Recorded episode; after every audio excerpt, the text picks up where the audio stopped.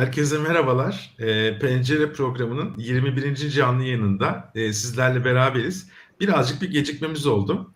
Eee, bugün tam da teknolojiden konuşacakken aslında bunun bir azizliğiyle karşılaştık. Emm, eee, ne yaşadık? Size hemen sıcağı sıcağına bilgi verelim. StreamYard, eee, eee, online stüdyolarında bir, eee, eee, server problemi oldu. Ama sabırla bekledik, eee, sizlerle kavuşmak adına. Talha sağ olsun bizleri kırmadı. Hem bugün bize katıldı hem de e, StreamYard'ın nazını çekti diyelim. Ve 21. programımızda sizlerle beraberiz. E, hoş geldin Tal, hoş geldin Sinan. Hoş bulduk. E, hoş bulduk. Sizler de hoş geldiniz arkadaşlar. E, yorumlarınızı görmeye başladık arka planda biz. Eksik olmayın. E, klasik olarak bizim şöyle bir başlangıcımız var Tal. E, herkese hani nereden katıl Evet bir, bağlantı problemim oldu. Ben geri döndüm. Bu arada gördüğünüz gibi inan aramızda değil. E, düşünmeden de edemedik. Acaba inanın parmağı var mı bu işlerde diye. O yok. Bir son anda bir iş seyahati çıktı. O yüzden bugün aramıza katılamadı. Yolculuk sırasında ona selamlar olsun. E, bizim şöyle klasik başlangıcımız var. Tal.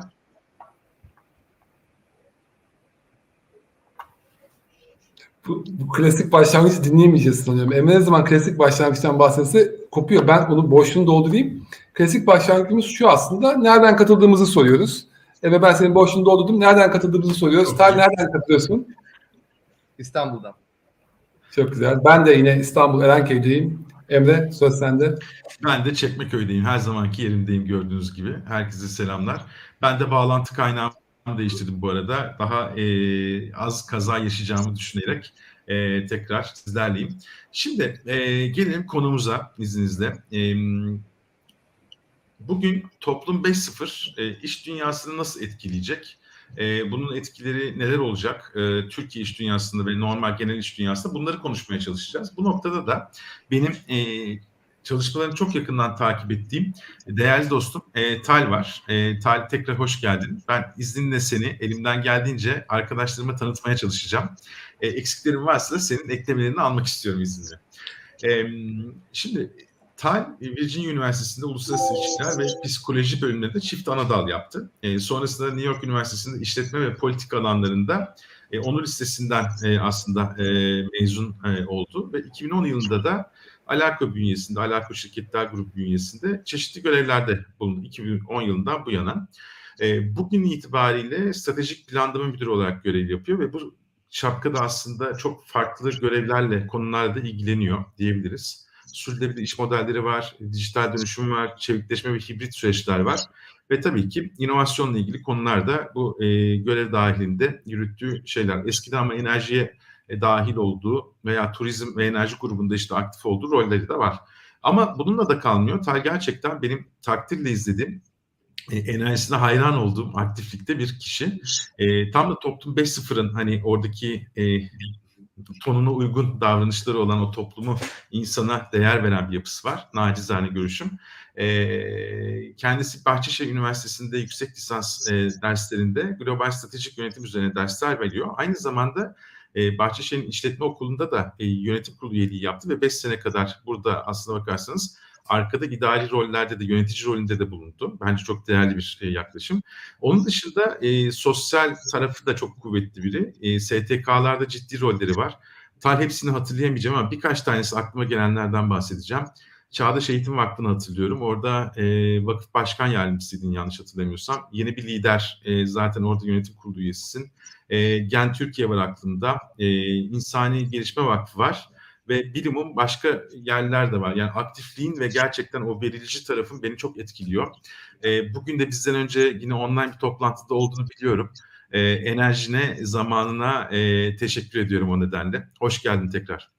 Öncelikle çok naziksin, güzel sözlerin için çok mersi. Fakat benim kim olduğum hiç önemli değil.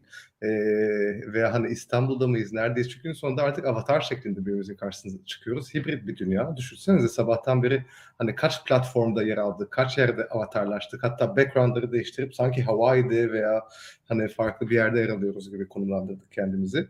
Dolayısıyla artık her yerdeyiz ve avatarlaştık. Ee, ama dediğim gibi gerçekten olay bence ortak akıl. Dolayısıyla böyle bir platformda bulunmak, istifade imkanı e, hani çok büyük bir onurluk kaynağı, şans kaynağı. Çok özel insanlarsınız Sinan ben Emre ve tüm katılımcılar. Ee, çok teşekkür ediyorum. Teşekkür benim için, çok güzel bir anı. Ee, biraz heyecanlıyım. Kusura bakmayın şimdiden. Ha, Estağfurullah.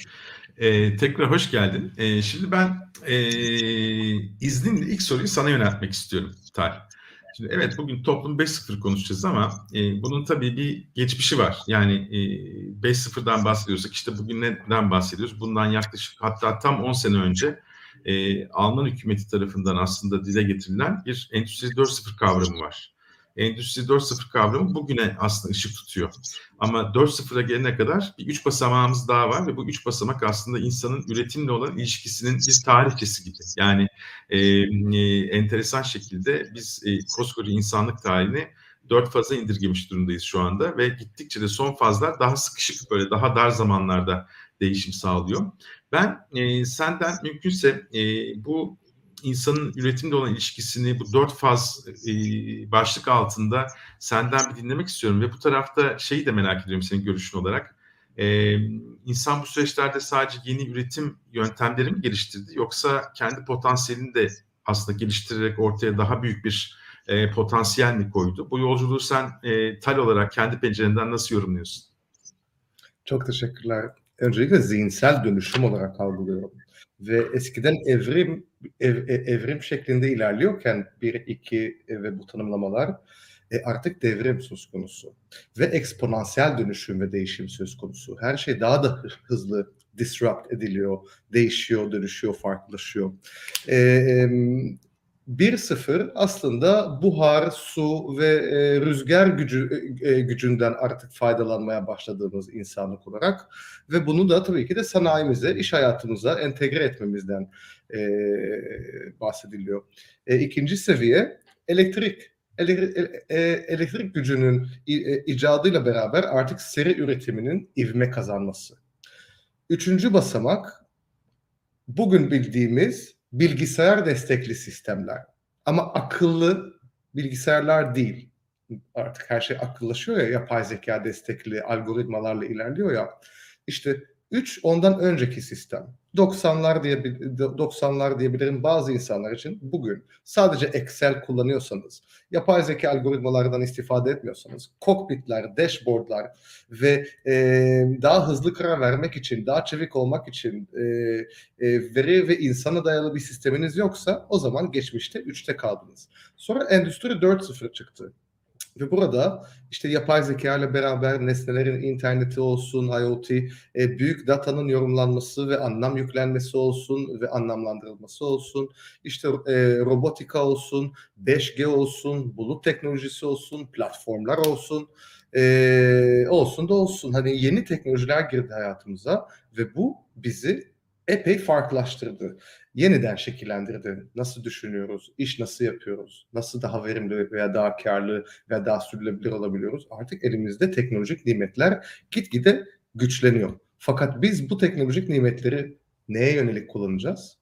E, neye yönelik kullanacağız? Onlar bizim elimizde. Bu teknoloji iyi mi kötü mü, işimizi alacaklar gibi düşünceler var. Ya e, şu, e, şu an insan ebeveyn konumunda. Dolayısıyla teknolojilerden değil, insana odaklanmak gerekiyor. İnsanda iki taraf da var. Teknoloji de farklı taraflara girebilir. Ama hiçbir şey ne iyi ne kötü. Çünkü neyin ne yol bilemeyiz. Ama kısaca e, bu dört basamak toplum 5.0'a gelmeden olan basamaklar e, bunlar bildiğim kadarıyla. E, Tal çok teşekkürler. Ee, yani senin anlattığın özet güzel bir retrospektif oldu. Aslında tam da inanın konuları. Ben inanı burada olmasa da bir anmak istiyorum. Kitabında çok güzel e, özetlediği giriş kısmı var. Bu 4.0'a gelene kadarki süreci. Ve sonrasında dijital dönüşüme odaklansa da şey diyor. Yani herhangi bir dönüşüme getiriyor aslında süreci. Herhangi bir dönüşüm aslında insanın dönüşümüdür diyor. Onu da buradan almış olalım. Ee, aslında bu taraftaki insan faktörü de kritik bir konu. Hatta senin dediğin şeyden de aklıma şu geliyor. Daha geçen gün bir e, Çalıştay'da arkadaşlarımızla konuşuyorduk. E, yani bir bıçak düşün mesela. Bir bıçakla şef, bir şef harikalar yaratabilirken aslında kötü niyetli bir geçse çok farklı şeyler olabiliyor. Hayatımızda birçok şey böyle. Kalem, bugün belki klavye, sözler değil mi? Sözcükleri kullanmamız bile aslında oradaki niyet çok e, ön plana çıkıyor. Etik konusu çok ön plana çıkıyor. Hızlı özet için çok çok teşekkür ediyorum Tan. Eksik olma. Ee, Sinan şimdi sana pas atmak istiyorum. Senin penceren bu manzaraya dair ne diyor? Senin çünkü e, hani pazarlama geçmişini biliyoruz ama üretim tarafında da aslında bakarsan bir e, tecrüben olduğunu e, e, bahsetmiştim ve mühendis kökenlisin. Hani bu açıdan baktığın zaman e, bu süreçte özellikle iş dünyasında neler yaşadık? Olumlu olumsuz örnekler neler? E, dönüşüm nereye doğru gidiyor? Senden de e, dinlemek isterim. Tabii ki Emre çok sağ ol. Ee, Tel hoş geldin gerçekten. Harika bir giriş oldu. Ee, şöyle inanı sanıyorum bugün bayağı bir kulağını çınlatacağız. Ee, çünkü ben bugün yazdığım bir yazıyla başlamak istedim. Ee, yine bugünkü programımızı LinkedIn'den paylaşırken cümlesine şöyle başlamış. Çok hoşuma gitti. Değişim hiç bu kadar hızlı olmamıştı. Bir daha asla bu kadar yavaş olmayacak cümlesini paylaşmıştı. Kanada Başbakanı Justin Trudeau'nun. E, aslında tam da içinde bulunduğumuz dünyayı çok iyi anlatan bir cümle. E, o yüzden böyle ben de bu e, cümlesiyle, bugün paylaştığı cümlesiyle onu almak istedim ve gerçekten bu değişim dönüşümü sonuna kadar yaşadığımız bir dönemden geçiyoruz. E, ben e, dediğim gibi mühendislik e, kökenimi aslında burada e, birazcık hani kendi bakış açıma katacağım ama öncesinde biraz liderlik bakış açısından başlamak istiyorum. Çünkü benim de anlatmayı çok sevdiğim bir hikaye bu. Yani bu sanayi devrimlerinin aslında liderlik tarafındaki evrimleri nasıl tetiklediği. Tal biraz bahsetti. İnsani boyutu anlatırken liderlik boyutundan da bahsetmemek olmaz. Çünkü benim de gördüğüm özellikle bu sanayi devrimlerinin 1, 2, 3, 4 diye ilerlemesi noktasında liderliğin tarzı da değişti. Liderlik aslında sanayi 1.0 döneminde belki öncesinde biliyoruz ki çok daha böyle babadan oğula geçen, değil mi? Doğduğu an hak edilmiş ve doğal liderlerin ön planda olduğu biraz daha işte bu e, ne diyelim e, sığınma köşklerinden e, yönettikleri, halkın arasına karışmadıkları çok daha böyle bir emir komuta zinciri üzerinden yürüyen bir liderlikken aslında sanayi devrimiyle beraber biraz daha farklı noktaya geldi. İşte ikinci sanayi devrinden bahsetti. İkinci sanayi devrinde biraz daha işte halkın arasına inen, onlarla beraber yürüyen, hala biraz arkadan e, böyle bir onları e, çeken diyelim veya işte biraz daha önden yürüyüp e, parmağıyla bir sonraki adımı gösteren bir lider tarzıyken Üçüncü sanayi devriminde biraz halkın yanına karışan, onlarla beraber yürüyen, onu hatta sıklarından sıvazlayan, biraz daha dönüşüm dönüşüm baştan bir lider tarzı vardı. Bugün ise bu sanayi 4.0 ile beraber aslında bugün konuştuğumuz lider tarzı da biraz daha bu işte hizmetkar liderlik adını verdiğimiz, biraz daha işte halkının belki de arkasında olan, halkının belki de e, veya çalışanlarının önünü açan, onların e, daha fazla güçlenmesini sağlayan, çok daha kendi problemlerini çözmesi konusunda yetkilendiren bir lider tarzına dönüştü.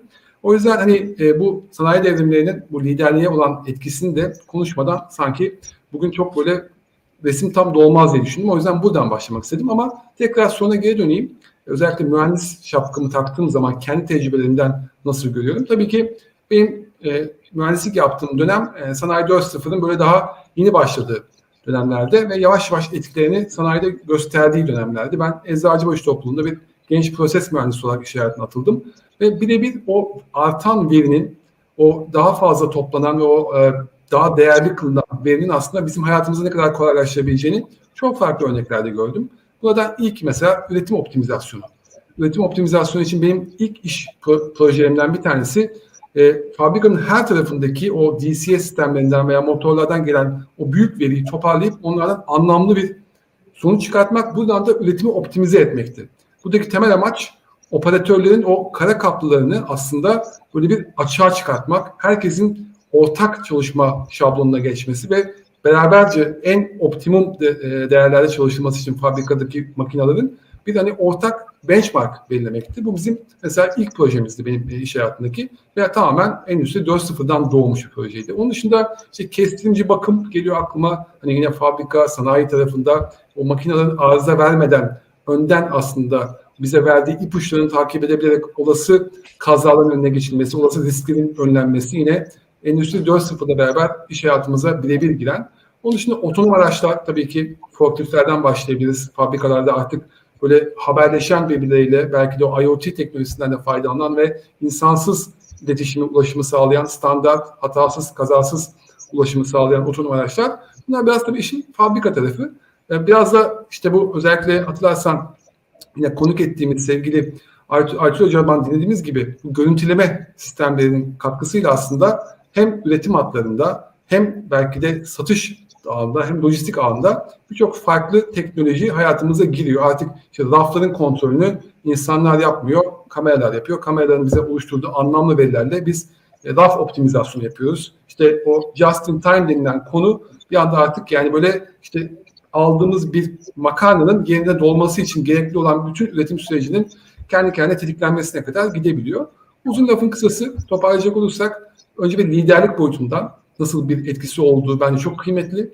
İkincisi bu teknolojilerin aslında gerek üretim, gerek lojistik, gerek planlama neyse e, hangi alansa iş hayatında dokunmadığı alanın kalmadığının farkında olmak ve buna göre e, hem e, çalışanların bizlerin ve liderlerin artık iş hayatını tekrar baştan düşünmesi gerektiğini bir vurgulamak istedim. Çok çok teşekkürler. Geç başladık programa teknik bir aksaklıktan dolayı ama hızlı giriş yaptık sayenizde. Ben kendime dair notlarımı almaya başladım bir de. Sağ olun.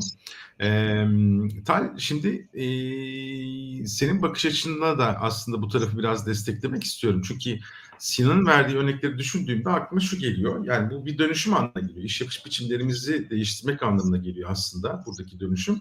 Bu da aslında alışkanlıkları değiştirip yeni şeylere adapte olmak, yeni şeyleri öğrenmek ve o klasik Evan Tafter'ın o söylediği o unknown konusuna e, karşılık geliyor aslında.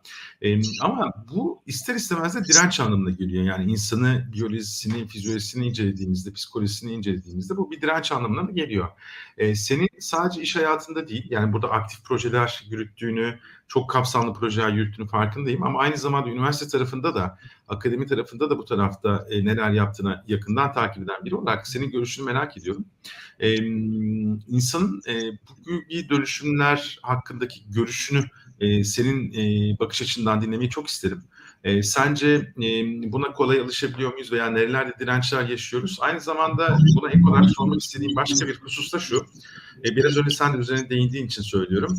E, sence teknolojiden korkmamıza gerçekten gerek var mı? Burada farklı bakış açıları var bunu biliyorum ama Talin e, görüşünü çok merak ediyorum. Bu noktada da aklıma o 4.0'dan sonra gelen 5.0 yani toplum 5.0 kavramı geliyor Japonların ortaya attığı. E, bu kavramın dönüşüme e, veya bu insanın üretimde olan veya o değişimiyle alakalı, dönüşümüyle alakalı sürece, yolculuğuna nasıl bir etkisi olacak? E, ne dersin? Harika harika sorular. Ee, çok teşekkürler. Ben de epey not aldım Sinan'dan. Ee, şöyle, öncelikle liderliğe ben de bir kısa bir atıfta bulunmak istiyorum. Çünkü kesinlikle yüzde yüz katılıyorum her dediğin, dediğine Sinan'ın.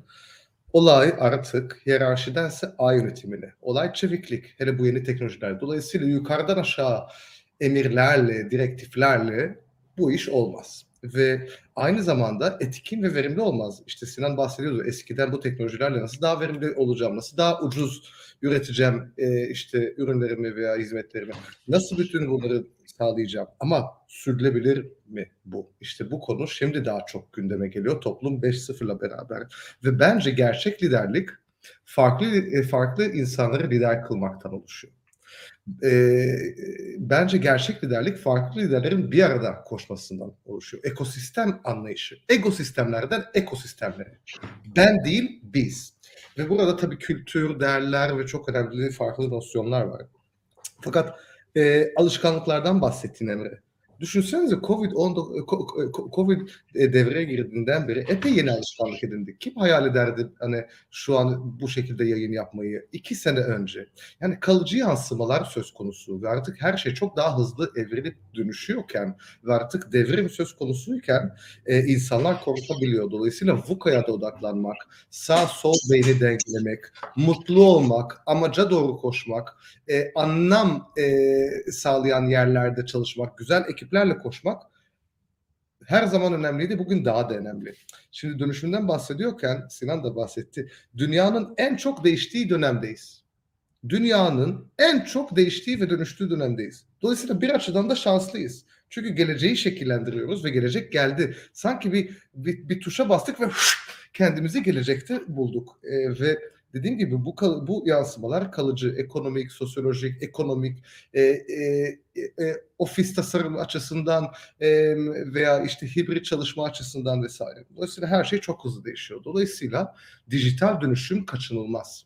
Ama dijital dönüşüm nedir aslında? Kültürel dönüşümdür, stratejik dönüşümdür ve hepsi müthiş fırsatlar doğuruyor.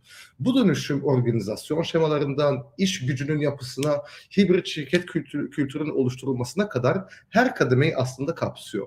Ve tabii her yapının, her organizasyonun en değerli öğesi insan. Ama insanla veri. Çünkü tekilliğe doğru artık gidiyoruz. Artık bunlarla birleştik.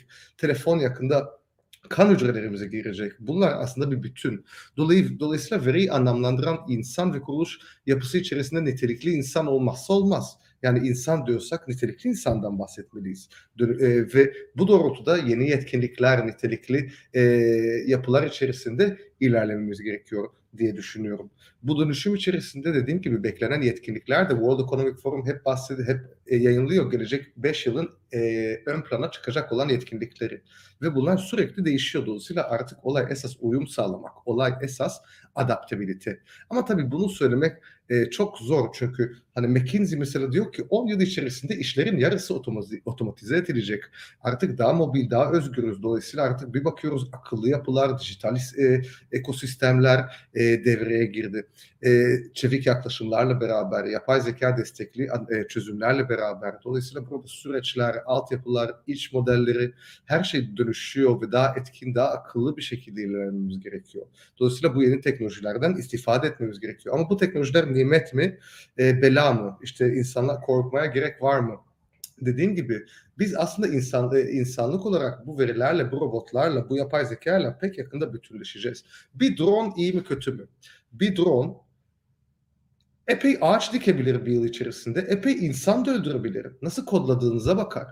Dolayısıyla her şeyden önce kültür, değerler e, ve inanç sistemleri e, ve bizi şekillendiren inanç sistemleri. Dolayısıyla ilham verici kurumlara, e, nitelikli ekiplere, anlamlı misyonlara odaklanmamız gerekiyor. Burada amaç ve fayda vurguları da çok önem taşıyor. Burada bahsettiğim gibi Emre inovasyon yönetimi, yetenek yönetimi çok önemli. İşleri artık bu doğrultuda nasıl çevikleştirip e, çevikleştireceğiz? Hangi iş modellerine odaklanacağız? E, neyi insan yapacak, neyi teknoloji yapacak ve nasıl çoklu kanal içerisinde uçtan uca bir deneyim sağlayacağız? Nasıl mutlu olacağız? Nasıl gelecek vaat edeceğiz, edeceğiz e, çocuklarımıza, torunlarımıza? Nasıl hayvanlarımızı ve çevremizi koruyacağız? Çünkü onları korumadan biz de yokuz aslında. Dolayısıyla uçtan uçta bütünsel bir yaklaşımdan bahsediyoruz. Dolayısıyla bence korkmaya gerek yok. Çünkü neyin neye yol açacağını bilemeyiz. Korkular da güzelliklere, güzelliklerde problemlere yol açabilir. Dolayısıyla bence liyakatla, bence e, e, doğru bir şekilde evrilerek, varoluşu iyice anlayarak robotları, yapay zekayı, algoritmaları güzel kodlayarak çalışanları ve insanları cesaretlendirerek anlam katarak ilerlememiz gerekiyor. Bu doğrultuda e, İngilizce derler sky is the limit, is the limit. Hani so, sonsuz başarıla başarılara e, erişebiliriz. Dolayısıyla ben temkinli imser yaklaşmayı tercih ediyorum ama bunun için bilinç, farkındalık ve e, aksiyon gerekiyor. E, çünkü e, dediğim gibi heyecan verici bir dönem. E, her şey çok hızlı değişiyor. Bir açıdan şanslıyız güzel bir gelecek e, şekillendirmek gerekiyor beraber ekosistem nezdinde tabii. Peki ben burada senin hemen e, cevabını istinaden şeyi de ekleyerek bir soru sormak istiyorum. Şimdi toplum 5.0'a biraz değindik ya. Sen zaten o tarafta oradaki ana tortuyu ve ana felsefeyi de e, sözlerin arasında yansıttın. Acaba e, toplum 5.0'da temkinli bir iyimserlik olabilir mi gelişmelere karşı ve buna karşı bir pozisyon olarak dile getirdiğimiz bir unsur olabilir mi? Ne dersin? Senin görüşün nasıl? Şimdi öncelikle ben hani toplum 5.0'ı şöyle bir özetlemek istiyorum. Lütfen. Endüstri 4.0 bu teknolojilere odaklanıyorken toplum 5.0 şunu diyor benim algı, benim anladığım kadarıyla. Bütün bu teknolojiler aslında araç. Dediğim gibi drone bir araç. Ama amaç ne? İşte Japon Endüstri 4.0 Almanlar tarafından icat edilen, edildi. İşte 2011'de ama sonra Japonlar çıktı 2017'de. Gerçekten refah arttı mı? Gerçekten mutluluk arttı mı? Gerçekten sürdürülebilirlik arttı mı? Topluma gerçekten hizmet edildi mi? Bunu sorgulamaya başladılar ve dediler ki insan, insana, hayvana, çevreye, köpeğe, e, e, e, kadına, çocuğa, köpeğe, herkese gelecek vaat et, e, eden sistemler, yapılar e, ve e, kaynak yönetimi yapılması gerekiyor.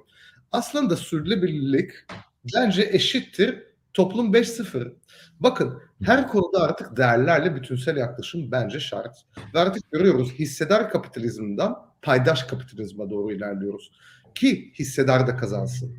Ee, ve paydaşlara odaklanmadan olmaz diyor Toplum 5.0.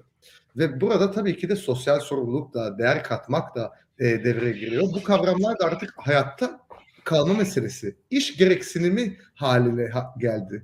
E, net sıfır emisyon hedefleri olsun, e, bu doğrultuda oluşan fonlar olsun, yenile- yenilenebilir enerji olsun. Ama burada dediğim gibi lider, ve Sinan'ın dediği gibi liderlik gerekiyor, ekosistem gerekiyor, yeni nesil iş modelleri gerekiyor ve e, vizyon gerekiyor, öngörü gerekiyor. Dolayısıyla toplum 5.0 aslında e, e, e, araç endüstri 4.0 iken amaç toplum 5.0. Amaç ilham. Amaç gelecek vaat etmek ve bunun aracı da e, nitelikli ilham veren yapılar diye düşünüyorum.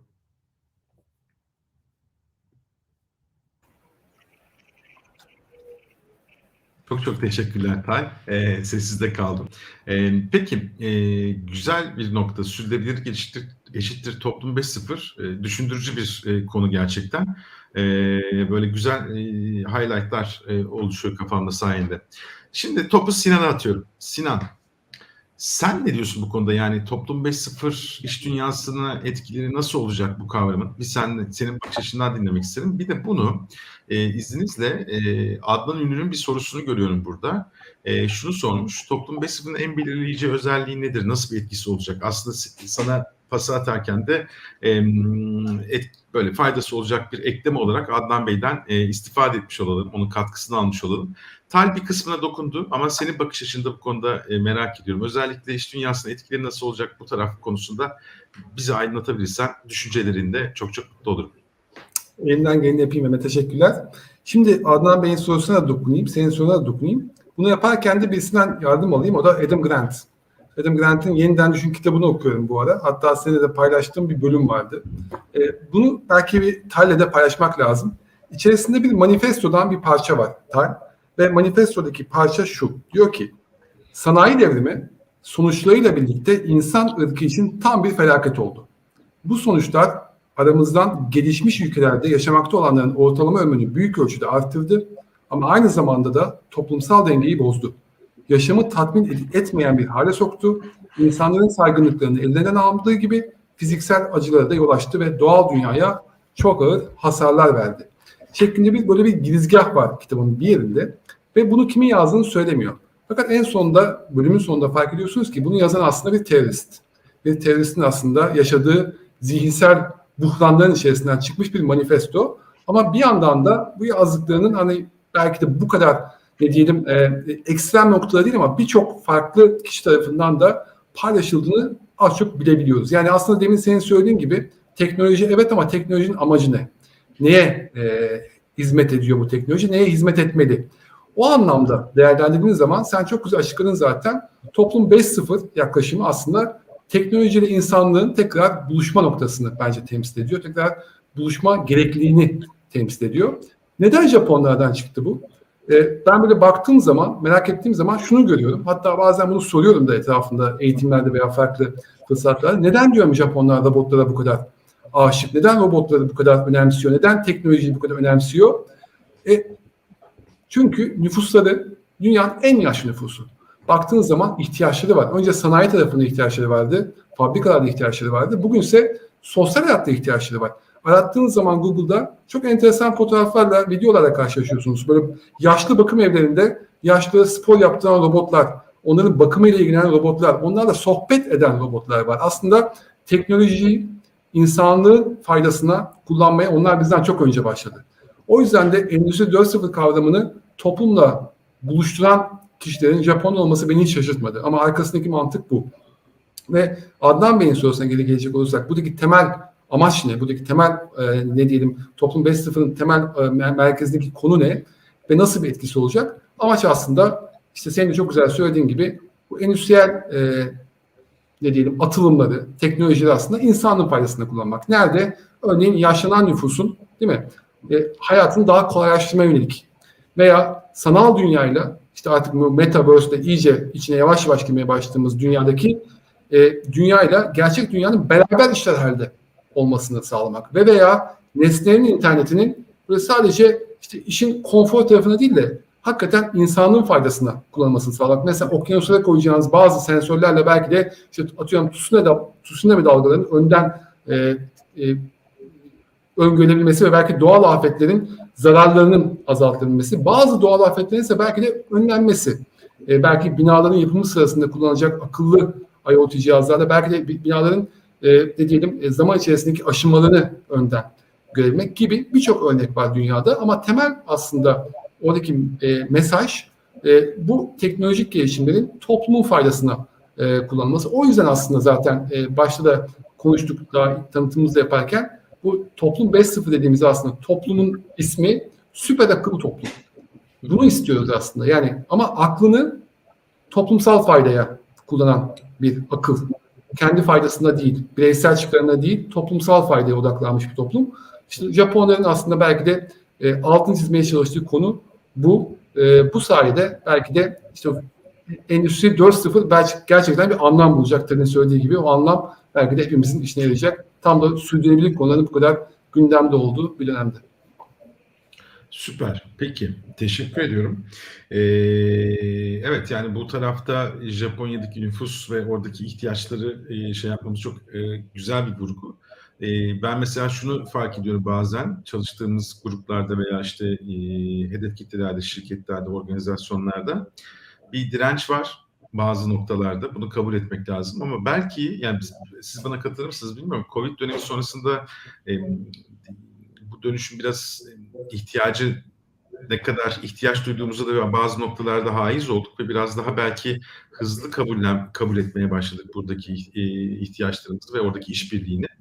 E, mesela e, eninde sonunda biz hepimiz dijitalleşmiş durumdayız. Zaten öyleydik birçok problemimizi, ihtiyacımızı giderecek aslında aplikasyonlar, uygulamalar kullanıyoruz. Hayatımızın birçok kısmını aslında cebimizdeki akıllı e, cihazlarla, e, akıllı asistanlarımız var aslında düşündüğümüzde. E, bu taraflarda e, çözmeye çalışıyoruz. İhtiyaç kelimesini yine buradan aldım. Çok çok teşekkür ediyorum. Peki buradan Taysan'a döneceğim. E, 1-0, 2-0, 3-0, 4-0, 5-0. Şimdi bu iş nereye gider? E, bundan sonra bizi ne bekliyor? E, burada Sevda Hanım'ın da zaten bir sorusu var. E, fakat sonrasında gelebilecek durum nedir? Şu an korkmuyoruz ya gelecek diyor.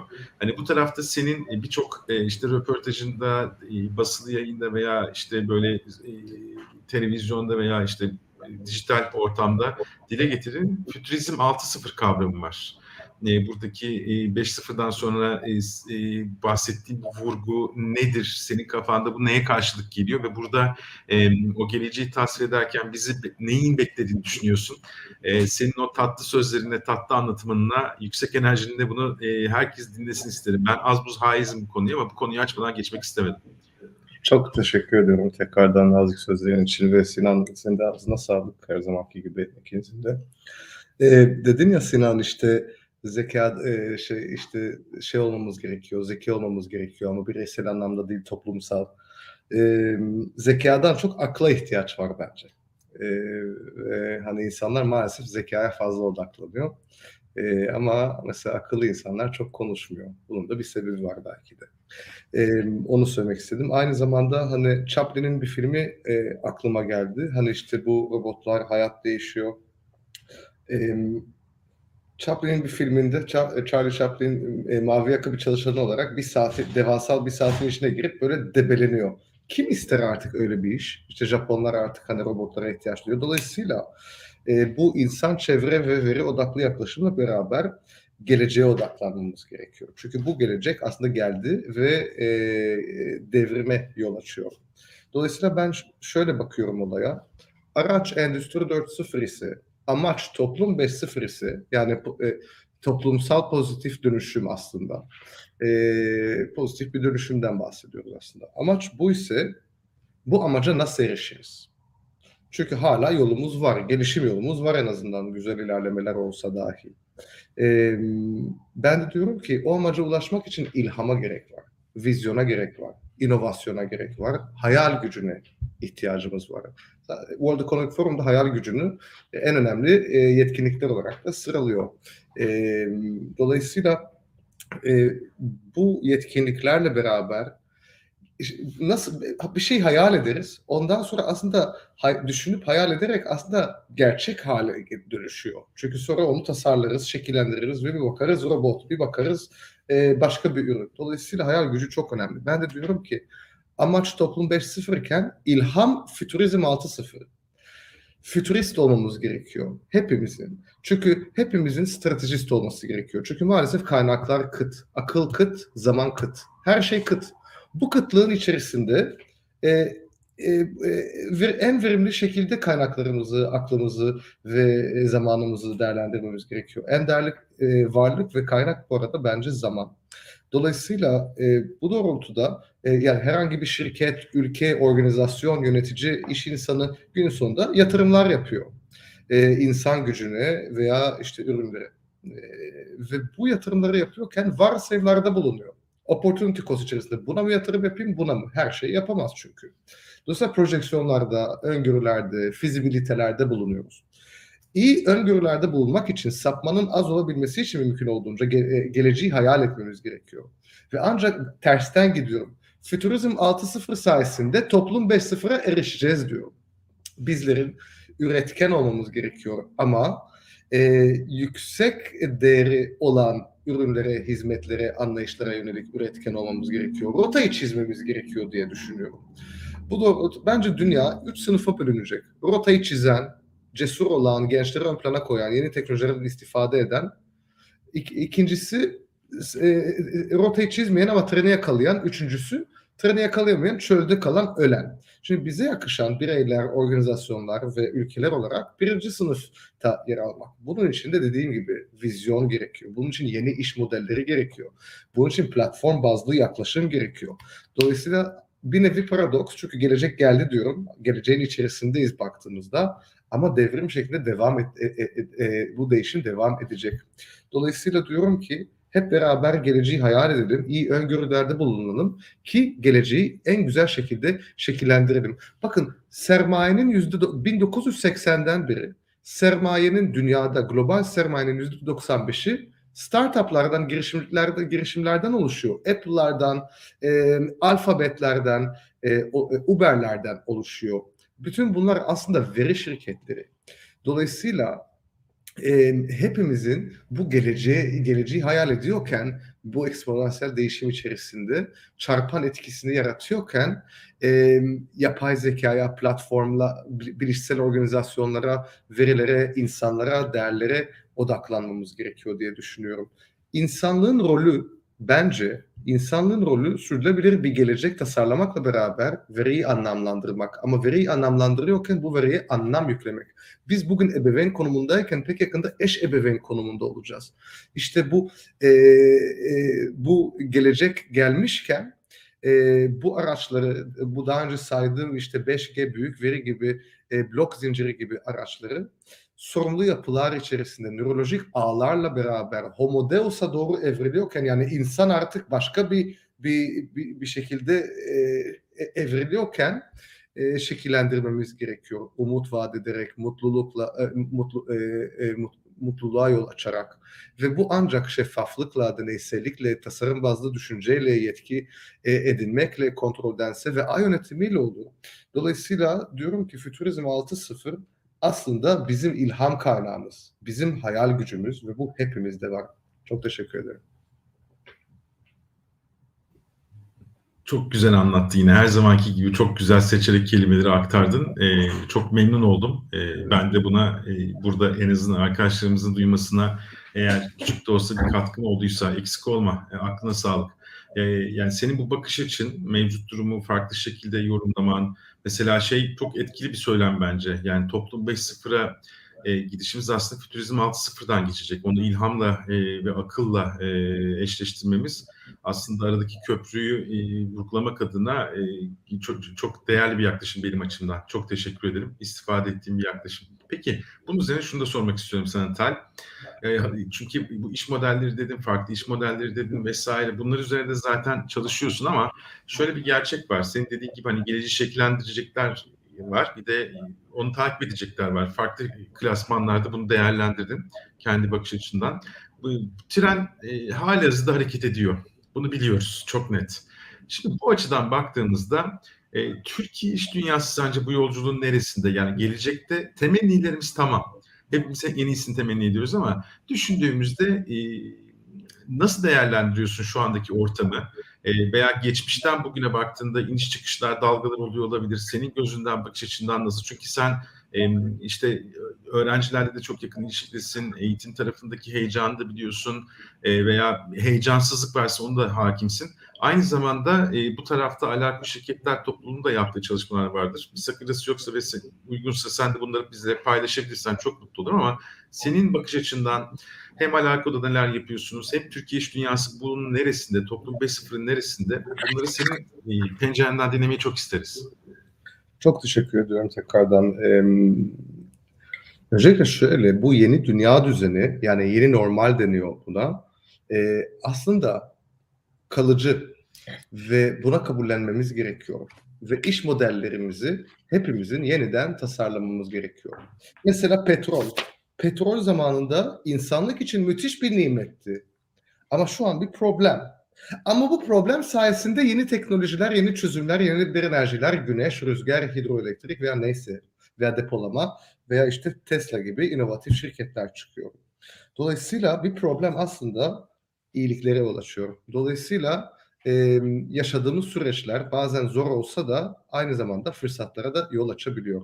Bunu söylemekle beraber maalesef dünyada sadece Türkiye'de değil şunu görüyoruz. CEO'ların yani tepede olan kişilerin neredeyse e, tümü değişimin gerektiğini düşünüyorken yani yüzde 89'u 90'ı değişim e, gerektiğini düşünüyorken diyor Deloitte sadece yüzde 10'u 11'i ellerinde çözüm olduğunu ifade ediyor.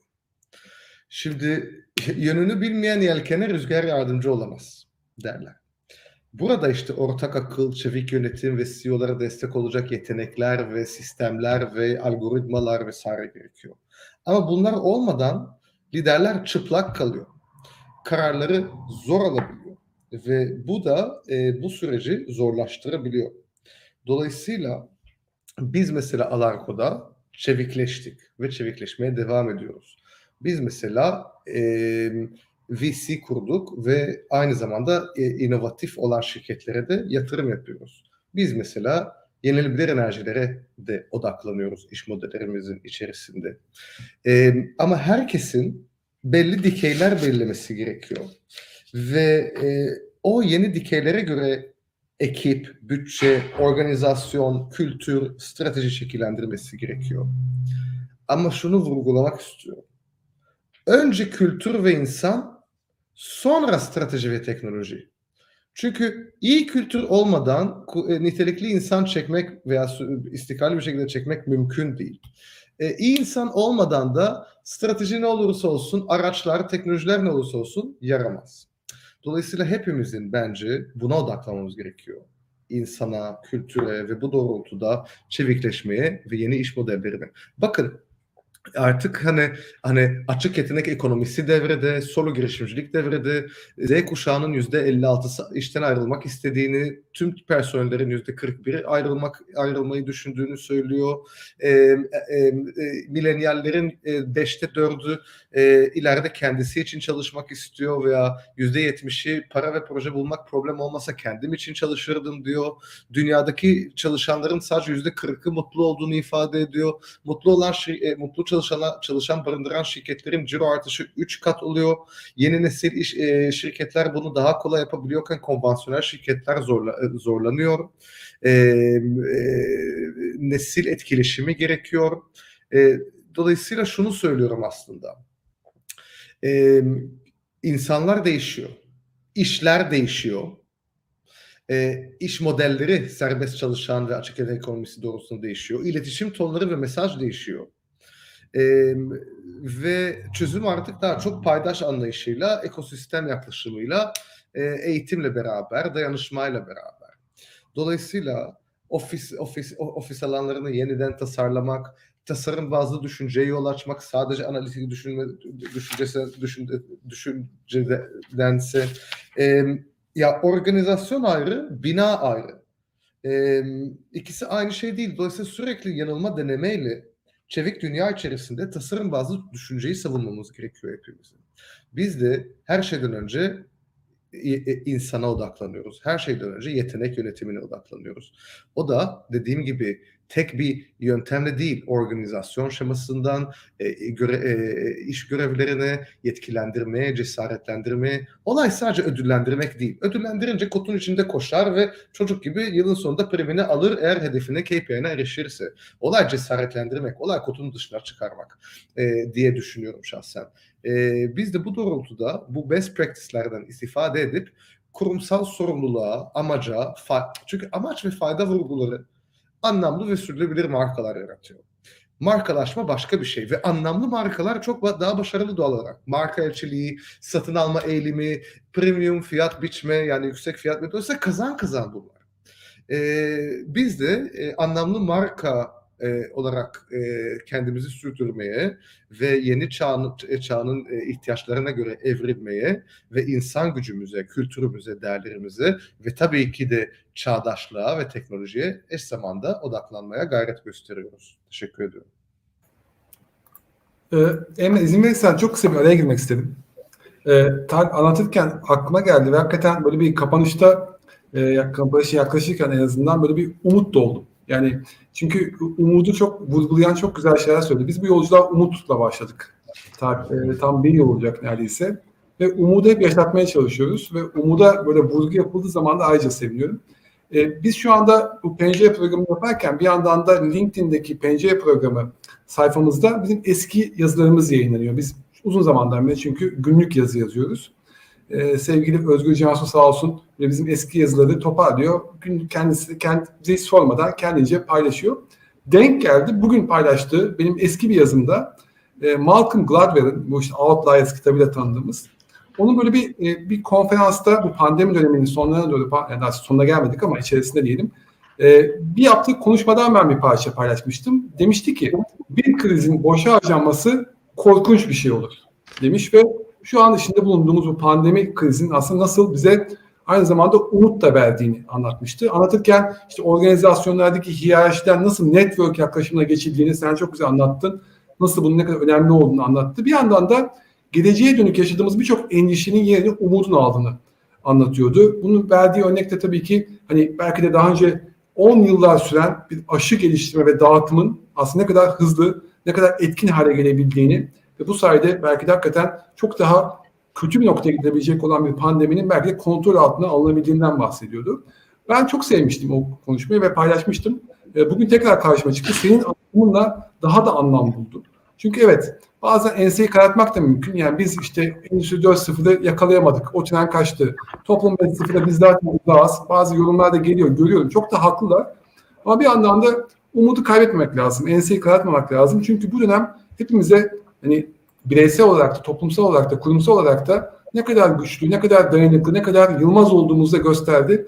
O anlamda mutlu oldum anlattıklarında. Bunu paylaşmak istedim. O yüzden teşekkür ederim izin verdiğin için. E, estağfurullah canım ne demek. ee, şimdi çok çok güzel bir sohbet oluyor arkadaşlar. Sağ olun. Ee, yani umut önemli bir şey. Gerçekten detay. Biz bundan yaklaşık bir sene önce ilk programımızı yaparken konumuz umuttu ve onun aslında biyolojisine baktığımızda umut bizi e, kötü bir anda e, pes etme anına yakın bir anda aslında belli biyolojik desteklerle de bir e, böyle e, ayağa kaldıran ve aksiyon tarafında e, hazırlayan bir e, şey. Ama şunu da eklemek lazım.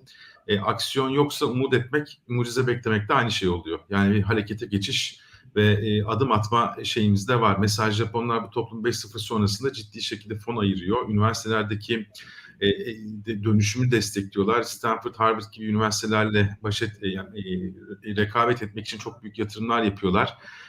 Ekosistemler yaratmaya çalışıyorlar. Toplum 5.0'a uygun yatırımlar yaparak bazı startupları ayaklandırmaya çalışıyorlar. Sözde kalmıyor, aksiyona e, geçiyorlar. E, bu tarafta da öncülüklerini devam ettiriyorlar. Çok güzel vurgular oldu arkadaşlar. Çok teşekkür ediyorum.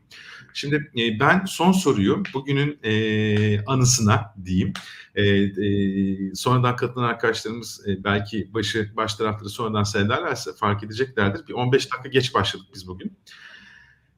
Neden? Çünkü teknolojik bir e, azizlikle karşılaştık. Maalesef e, kullandığımız altyapı serverında bir problem çıktı e, ve oradaki problemin giderilmesi bir zaman aldı. Şimdi hal böyleyken de benim bizim aklımıza şöyle bir şey geldi. Hani teknolojiden konuşuyoruz, korkalım mı, etmeyelim mi vesaire gibilerden e, hepimizin de komik anıları vardır diye tahmin ediyorum. Özellikle bu Covid döneminde daha da fazla dijitali kullanmaya başlayınca ben izninizle size bu soruyu yönelteceğim. Yani dijital ortamda veya bu işte e, hayatımızdaki teknolojik unsurları kullanırken yaşadığınız komik bir anı var mı diye. E, ben kendi anımla başlayayım izninizle örnek olması için. E, Amerika'da bir workshop'a katıldım. E, buradan ücretini ödeyip katıldığımız uluslararası bir workshop. Orada e, tabii saat farkı var. Gece ilerleyen bir saatte. E, evdeki durumda pek uygun değildi. Hiç uyumu olmayan şekilde kamerayı kapadım. Sonra ama grup çalışmaları yapmaya başladık online'da. Özel odacıklar açıldı. Orada işte uluslararası e, profesyonellerle oturduk bazı şeyleri tartışacağız. Orada tabii ki kamerayı açtım ama kamerayı açmadan önce şunu fark etmemiştim. Zoom kullanıyordum o sırada. Bir gün öncesinde oğlum meraklı biridir. Umarım o merak her zaman devam eder hayatı boyunca. Ben de onu desteklemeye çalışıyorum merak duyduğu konularda biraz daha derinlemesine gitmesi için. Dedi ki baba dedi Zoom dedi nasıl bir şey işte baktık falan filan. E, buraya şey koymuşlar arkadaşlar. E, bu e, Instagram'daki gibi böyle e, şeyler e, ne derler ona tam olarak şey yapamıyorum. E, işte görsel destekler mesela işte saçınız değişiyor, gözlük takıyorsunuz falan filan böyle e, efektler koymuşlar. E, Ege en son mor saç, mor sakalı denilmiş ve o şekilde kapamışız biz bunu. ve program tekrar açıldığında mı resetlemiyor, sıfırlamıyormuş. Ben de kamera kapalı olarak girdiğim için hiç farkında değilim. İşte 6 kişilik uluslararası bir grupla tartışma şey yapacağız. Ben nezaket göstermek için köşeme çekildim. Kamerayı bir açtım. mor saçlı punk bir Emre, mor sakallar. Orada gerçekten kendimi e, çok garip hissetmiştim. Ama neyse ki herkes böyle hemen güldü etti vesaire. Sohbetimizi ettik. Bu da bende böyle bir anı. E, sizde var mı böyle bir anı arkadaşlar? Tal var mı sende? E, Sinan sanki sen söyleyecektin önce lütfen. Böyle ben aslında ben söyleyeyim sözü, en son sözü sana bırakalım aslında. O açıdan Tamam, da daha tabii. iyi olur. E, benimki de aslında çok benzer. E, Emre'yle İlhan'la biz bu yolculuğa çıktığımızdan beri aslında e, çok enteresan tabii hikayelerimiz de oluştu. Hatta böyle bir belki kamera arkası program yapmayı bile düşünüyoruz. Çünkü her programın ayrı bir hikayesi var. İşte sesini açmayı unutarak konuşanlar, yayında konuştuğu halde konuşmadığı düşünülerek yayından alınanlar, efendime söyleyeyim e, yanlış kişi konuşurken yanlış kişiyi ekrana yansıtanlar vesaire böyle hani her programımızda böyle eğleniyoruz. Benim başlarda özellikle bu canlı yayınlar veya işte yine uzaktan verdiğim eğitimlerde kendimi çok geriyordum. Yani böyle aman her şey kusursuz olsun. Sesim, kameram, ışığım, işte etraftan hiçbir gürültü gelmesin, çocuklar içeri girmesin, işte mutfaktan şangırtı gelmesin. Baktım ki yani aslında dünya o kadar da benim kafama taktığım kadar problemli değil. Daha büyük problemler var. Yani bunda bu kadar aslında kafaya takacak bir şey yok. E, yakın zamanda Google'ın bir tane manifestosunu gördüm. Özellikle uzaktan çalışanlara yönelik. O manifesto o kadar güzel ki it's okay to diye başlıyor. Yani hani bir kere rahat ol diyor. Aşağıda böyle 20-25 tane madde var. İşte toplantı sırasında uyuyor olman veya uykun gelmesi normal, yemek yemen normal, bazen kafayı kapatmak istemen normal, bilmemen normal vesaire. Böyle bu dönemde hani işte well-being diyorlar ya işte bu e, biraz daha kendimiz daha işte iyi hissetmemize yönelik böyle bir, bir sürü bir, bir sürü şey e, liste yapmışlar. Onu okuduğum zaman birçoğunu benim de hissettiğimi fark ettim. İşin özeti teknoloji bize tekrar o insan olmayı hatırlattı. Bana tekrar hatırlattı. Ee, bazı programlarda böyle çocuklar ama içeri girecek diye kendimi böyle gererken artık o kadar rahatım ki. Şu anda biri gelse eğitim sırasında, toplantı sırasında şöyle kaş göz yapıyorum. Anlıyorlar zaten. Bir şey söyleyeceği zaman dur diyorum, devam ediyorum. Bize bunu öğretti. Bana da bunu öğretti. Ben de bunu paylaşmak istedim. Çok teşekkürler. Sağ ol. Uyu, Sen- uyu, e, tabii adaptabiliteden bahsettik ya Sinan hani artık olay uyum sağlamak her şey değişiyor Doğru. ve hani genellikle hani gerilmemek burada ben Emre'den hani VUCA'yı vesaire öğrendim biraz ve beyni doğru yönetmek gerekiyor diye düşünüyorum. Hani içinde hani e, e, sürüngen beyin var, limbik duygusal beyin var, neokorteks var. Bizi insan ayıran bence artık dördüncü beyin seviyesi oluştu. Çünkü biz insanlık olarak artık beklemeyeceğiz beynimizin büyümesine milyonlarca yıl. E, teknolojik sezgisel beyin bence. Artık teknoloji ve sezgi bir arada. Ve bu çok enteresan bence. E, sezgisel ilerliyoruz teknolojide. ve Bunu özellikle küçük çocuklarda görüyoruz. E, ben hani orada artık hani yaşamın biraz ilerlediğini hala hani her hani takvim yaşı da aldatıcı tabii ama yine de o da hani bir etken ve hani çocuklarla oynamayı çok severim Ee, ve onlarla hani tabletten bana oyunlar gösterdiklerinde ne kadar hızlı elleri ve parmakları ve beyinle beraber çok da düşünmeden 4 yaşında çocuk diyelim veya 5 yaşında çocuk diyelim hani direkt hani o şekilde oynuyor. Ben ise ve hatırlıyorum ben küçükken e, hani ebeveynlerimle hani dalga geçerdim onlarla PlayStation oynuyorken ben 10 yaşındayken kazanıyordum. İşte e, babam sinirleniyordu kendine göre hani niye yenemiyorum işte bu ufacık çocuğu diye. E, ben de şimdi aynı konumda buldum kendimi bir anda ama ben hala gencim onu hani onun onun o zamanki olan yaşına göre. E, dolayısıyla her şey çok hızlı evriliyor. Bir gün telefonu unuttum. Hiç unutmayız ya. Hep telefonu. Bir gün unuttum. E, bazen kaybedebiliriz ama evden pek unutmayız almayı. E, üçüncü kolumuz ya. Unuttum dedim. Aa okey güzel. Radyo dinleyeyim. Kuşlara bakayım hani arabadan vesaire. Bir saat çok iyiyim. iki saat çok iyiyim. Üç saat de okey. Dördüncü saat artık bir tuhaf.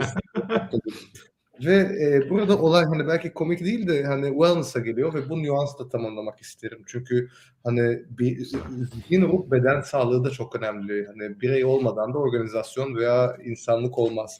Dolayısıyla e, insan e, teknolojiyle doğru hani bir şekilde kendini ve teknolojiyi yönetmesi, iş yaşam dengesi gibi çok çok önemli. Ama sürekli hani hepimiz platformlardayız değil mi? Hani e, bugün herkes bir düşünsün kaç platforma girdim. YouTube'dan Spotify'a, e, Office'in bir, bir in-house platformuna, e, Facebook'a, LinkedIn'e neyse. Ben de artık şunu yapıyorum. E, çünkü sürekli içimizde ve yanımızda.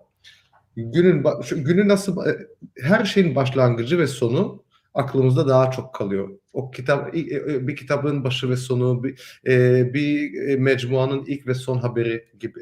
Dolayısıyla ben ilk ve son toplantımı e, haftamın başlangıcını sonunu ayın yılın iyi yapmaya özen gösteriyorum mümkün olduğunca. Ve aynı şekilde güne başladığım zaman da artık bir saat boyunca neredeyse telefon yok. Köpeğimi gezdiriyorum, mümkünse vaktim varsa yogamı yapıyorum, çayımı yudumluyorum. Ondan sonra o stresli e-maili bakıyorum. Ve ondan sonra onu daha yönetiyorum. Hem kendime karşı hem dışarıya karşı. Aynı şekilde günün sonunda da. Günün sonunda hiç ekranlar yok vesaire. Günü de detoksla bitiriyorum. Çünkü bu bir detoks. Çünkü aynı zamanda bir bağımlılık, aynı zamanda da bir nimet. Dolayısıyla her şeyin fazlası kötü. Evet o çocuk hani beni yeniyordu. Hani komikti çünkü çocukluğumu al, algıladım ki o zaman PlayStation ki o zaman Super Nintendo vardı. Hani beyler siz bilirsiniz hani veya burada bazı se- seyirciler değil mi? Hani neticede o da güzeldi. E, dolayısıyla her şeyin bir dengesi var diyorum. Bunlar komik olmakla beraber iyi yönetime, iyi yönetim ihtiyacına yol açıyor diyorum. E, beden, ruh, zihin sağlığı diyorum. Teşekkür ediyorum. Biz teşekkür ederiz. Tal'den yine insan odaklı güzel bir mesaj, dengeli bir mesaj, e, güzel bir imza oldu sona. Tal çok teşekkür ediyorum. Sinan sana da çok teşekkür ediyorum. Ben notlarımı aldım. E, çok kısa bir özet geçmek istiyorum izninizle kapanıştan önce. Ne yaptık? İlk başta bu insanın üretimle olan ilişkisini, o rakamlarla adlandırdığımız tarihçesini retrospektif yaptık e, Tal sayesinde. Ve e, oradaki insanın aslında e, e, dönüşümle de bir odaklandık. Orada hatta küçük bir pasla İnan'ı da bugün aramıza katılamayan İnan'ı da andık. Sonra Tal e, bu tarafı liderlik tarafına e, evirdi ve aslında bu yolculukta liderliği nasıl evrildiğinden bahsetti. Bugünkü hizmetkar liderlik kavramını tekrar bize hatırlattı. Burada Tal'in güzel bir altın çizdiği nokta vardı. Ekosistemler yeni artık ekosistemler kurmamız gerekiyor. Liderin de aslında bunu destekleyen bir bakış açısına sahip olması gerektiğini söyledi. Burada tabii insan faktörü de devreye girmeye başladı e, sohbetimizde ve burada veriyi anlamlı kılan, veriyi değerlendiren ve buradan bir sonuç çıkarıp anlamlı kılan kişi insan. O yüzden insanın nitelikli insanın aslında altını çizerek e, e, bir vurgu yaptık. E, sonrasında onu ister istemez e, aslında başlığımızda da olduğu gibi toplum 5.0'a geldi. O Japonların ortaya koyduğu e, süper akıllı topluma götürecek insanı e, amaç edinen e, o e, bağlantıyı kuran yaklaşıma. Orada benim notlarımda şöyle bir güzel bir şey var. Aslında toplum 5.0 eşittir sürdürülebilirlik dedi Tal. Bunun tabii çok farklı boyutları var. Onlara da biraz değindik. Ve e, ben e, konuyu e, Fütürizm 6.0'a getirdim. 1, 2, 3, 4, 5, 6 yani bundan sonra ne gelecekti? Tal'in birçok röportajında veya yayınında kullandığı bir tabir. Fütürizm 6.0'ı e, ilhamla aslında bağdaştırıyor Tal ve şu bakış açısını ortaya koyuyor. Bizi toplum 5.0'a götürecek şey aslında e, Endüstri 4.0'dan e, Fütürizm 6.0'dır diyor. Orada e, aslında insanın e, teknolojiyle olan e, gelişimi ve gelecekte bizi neler beklediğine dair güzel yorumları oldu. E, ve temkinli imsallikle aslında sanırım Sinan sen de böylesin. Temkinli imsallikle aslında bakarsanız bu bakış açısıyla bundan korkmamamız gerektiğini aslında hep beraber bu konuda kendimizi geliştirerek, bundan istifade ederek amacımızı ve o ilhamı e, her zaman içimizde bulundurmamız gerektiğini vurguladık. Benim için çok keyifli bir sohbet oldu. Geç başladık ama güzel oldu. İyi ki de bekledik. Tal senin bundan önce bir toplantın olduğunu da biliyorum. E, enerjin için, vaktin için çok çok teşekkür ederim. Dediğin gibi e, zaman en önemli şey ama o önemli şeyi bizle paylaştın. E, bizim dinleyicilerimizle de paylaştın. Çok çok teşekkür ediyorum. Ve e, inşallah daha güzel, farklı sohbetlerimiz, buluşmalarımız olur gelecekte. E, tekrar teşekkür ediyorum e, değerli ziyaretin için. Ben, e, zaman göreceli bir kavram. Benim için açıp e, uçtu zaman. E, dolayısıyla ben size çok teşekkür ediyorum. Dediğim gibi şeref, onur kaynağı. Çok kıymetlisiniz hepiniz. Başarılarınızın e, devamını diliyorum. Gönlünüze sağlık. Teşekkür ediyorum. Senin de dediğin gibi birlikte güzel oluyor değil mi? Ee, beraber güzel oluyor, birlikte güzel oluyor. Çok çok teşekkürler. Sinan sana da çok teşekkür ediyorum. Yine aldığım notlar oldu. İnan sana da selamlar buradan. Ee, yanıtlayamadığımız sorular olmuş olabilir. Ee, sorularınız ve yorumlarınız için çok çok teşekkür ediyoruz. Pencerenin 22. yayınında, canlı yayında beraber olmak üzere şimdilik hoşçakalın diyoruz. Harika bir gece diliyorum hepinize. Görüşmek üzere. Güle güle. Teşekkürler.